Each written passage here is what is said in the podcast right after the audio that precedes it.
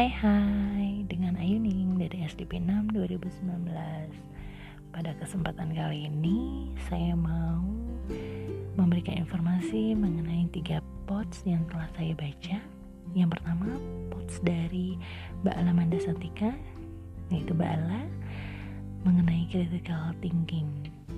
Mbak Ala ini adalah salah satu founder Gojek juga salah satu founder dari Binar Academy yaitu sekolah programmer di mana Bala ngajarin bahwa critical thinking itu sebenarnya perlu loh.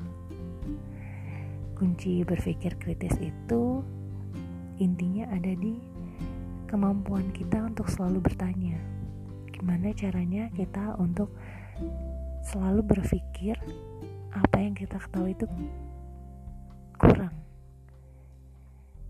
Lalu berpikir kritis itu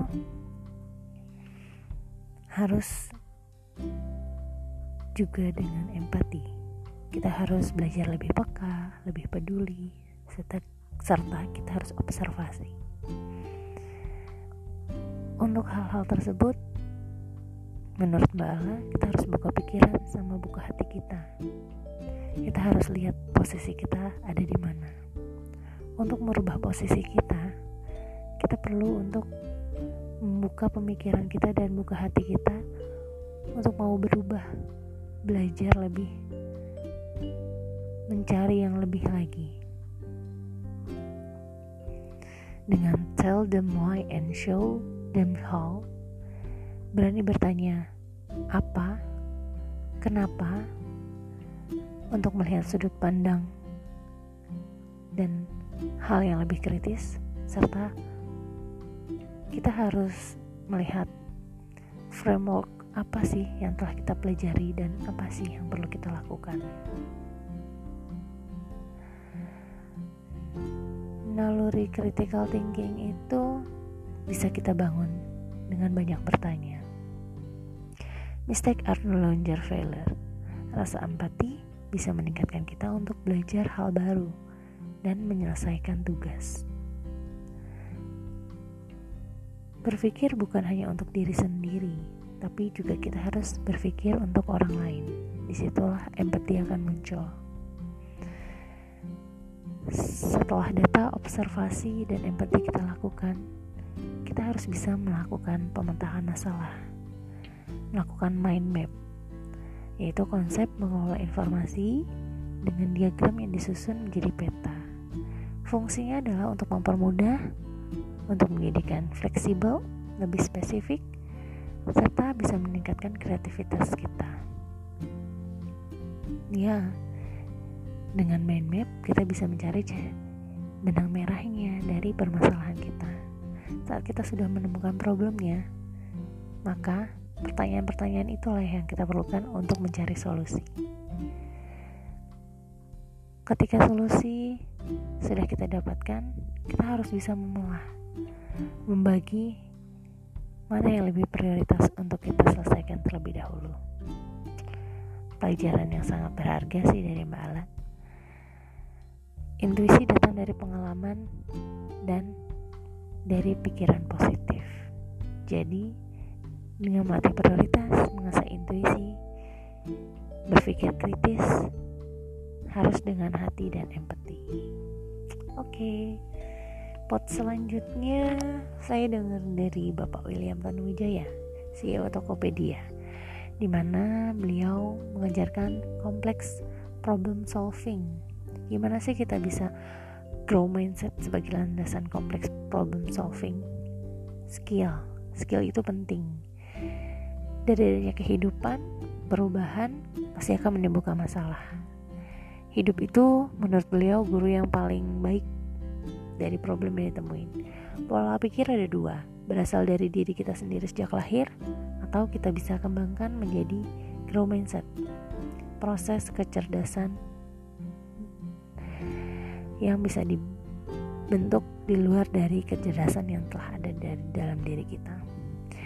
Pola pikir dapat dilatih, hargai prosesnya, bukan dari hasil. Intinya sih mindset. Membangun perusahaan layaknya universitas, Bapak William menjadikan budaya kerja di perusahaannya adalah semua orang adalah sebagai pemimpin, di mana setiap pemimpin harus bisa membangun pemimpin-pemimpin lainnya. Semua orang harus memiliki ketulusan seperti seorang guru. Ya, membangun proses untuk membentuk mindset, melihat dampak untuk dunia, cari tujuan hidup dalam proses suatu perusahaan yang kita ikuti. Kesulitan adalah proses untuk membangun tujuan hidup, belajar dari kegagalan untuk tujuan hidup itu sendiri. Pak William juga mengajarkan cara pandang melihat masalah. Beliau mengajarkan masalah adalah peluang, karena dunia bisnis itu sangat frontal. Kegigihan dalam mempertahankan dan mengambil kesempatan yang ada itu diperlukan. Karena semuanya itu tidak instan dan kita harus keluar dari zona nyaman. Problem yang bisa dirubah jadi opportunity atau kesempatan sebenarnya itu adalah pilihan dari kita. Jika kita mengalami kegagalan dua hal yang bisa kita hadapi menjadikannya menjadi opportunity atau menyerah dan menghindari untuk kembali ke titik awal Pak William juga mengajari nih gimana cara memecahkan masalah dalam hal kepercayaan konsumen. Intinya satu, mungkin teori marketing yang diambil oleh Pak William fokus pada kebutuhan customer.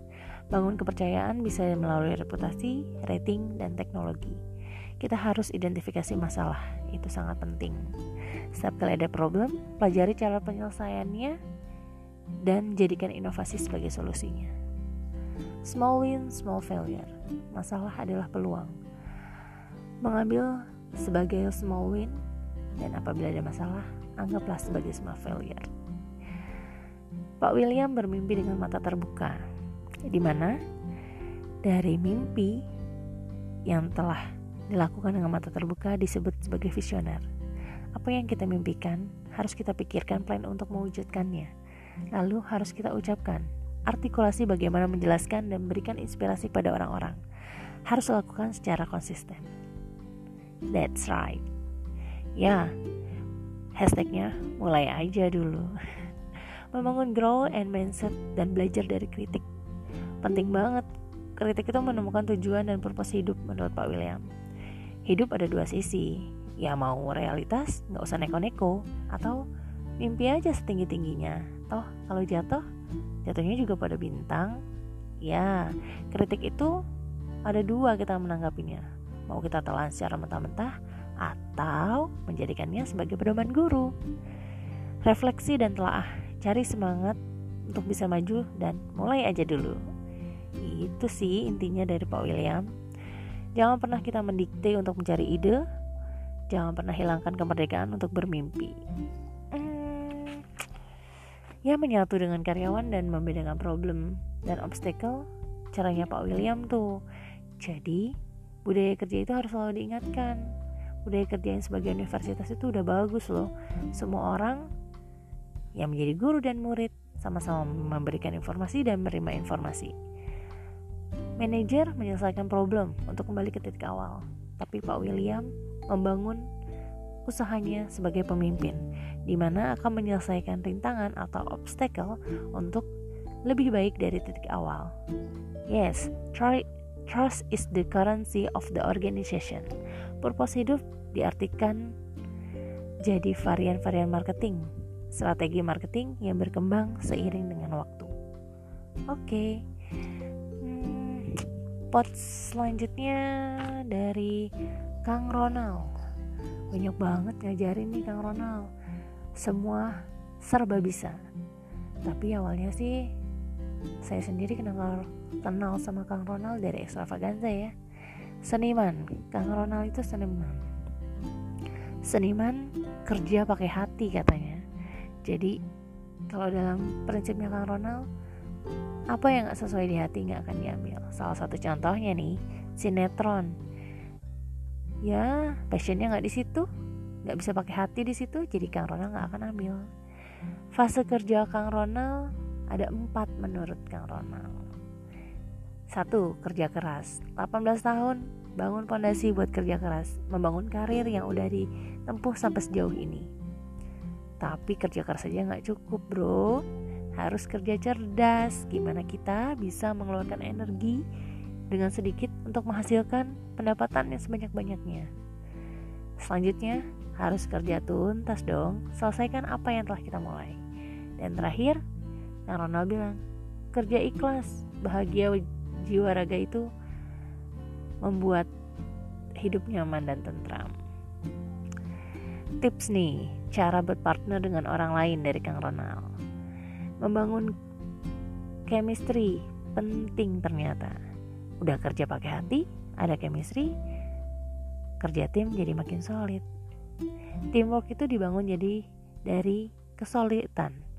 Kita harus rendah hati, pengertian, dan saling respect. Gimana jadinya kalau dalam teamwork kita saling egois? Hmm, pastinya nggak akan berjalan ya. Tapi nggak selamanya mulus. Kang Ronald juga pernah bilang nih, ada hambatan yang terjadi pada timnya, yaitu saat dalam tim tidak bisa mengikuti ritme kerjanya Kang Ronald.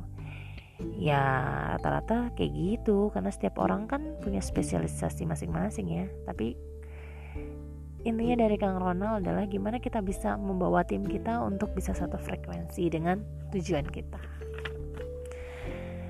Hmm, konsisten dan terus melatih diri. Kunci suksesnya nih dari Kang Ronald kenali diri sendiri maksimalkan diri sendiri Cari kelemahan dan kekuatan dari diri sendiri. Harus jujur. Never stop learning. Jangan pernah sudah merasa di puncak. Terus belajar. Lakukan dengan jujur, berikan yang terbaik. Pasti semuanya akan mengikuti energi-energi positifnya. Before we entertain the others, we have to entertain myself. Kompetisi dunia kreatif itu adalah lebih kompetisi pada diri kita sendiri. Yes, that's right. Kita harus tahu bahwa hari ini kita harus lebih baik daripada kemarin dan kita juga harus memastikan bahwa hari esok harus lebih baik daripada hari ini. Ya, banyak banget pelajaran yang bisa diambil ya dari tiga pods yang podcast yang sudah saya baca. Eh, baca salah. Podcast yang sudah saya dengarkan. Hmm, podcast-podcast itu kalau dirangkum jadi satu sih benang merahnya pertama adalah kenali diri sendiri Yes, kedua banyak pertanyaan. Ketiga empati. Keempat mm, never stop learning. Intinya adalah kita harus bisa keluar dari box. Bukan out of the box tapi kata Kang Ronald sih without the box agar mm, menemukan ide yang boleh apa saja, imajinasi dari mana saja, banyak referensi set story itu paling penting. That's right teman-teman bro semuanya sis semuanya. Sekian review tiga podcast dari saya. Sampai ketemu di podcast saya selanjutnya. See you bye bye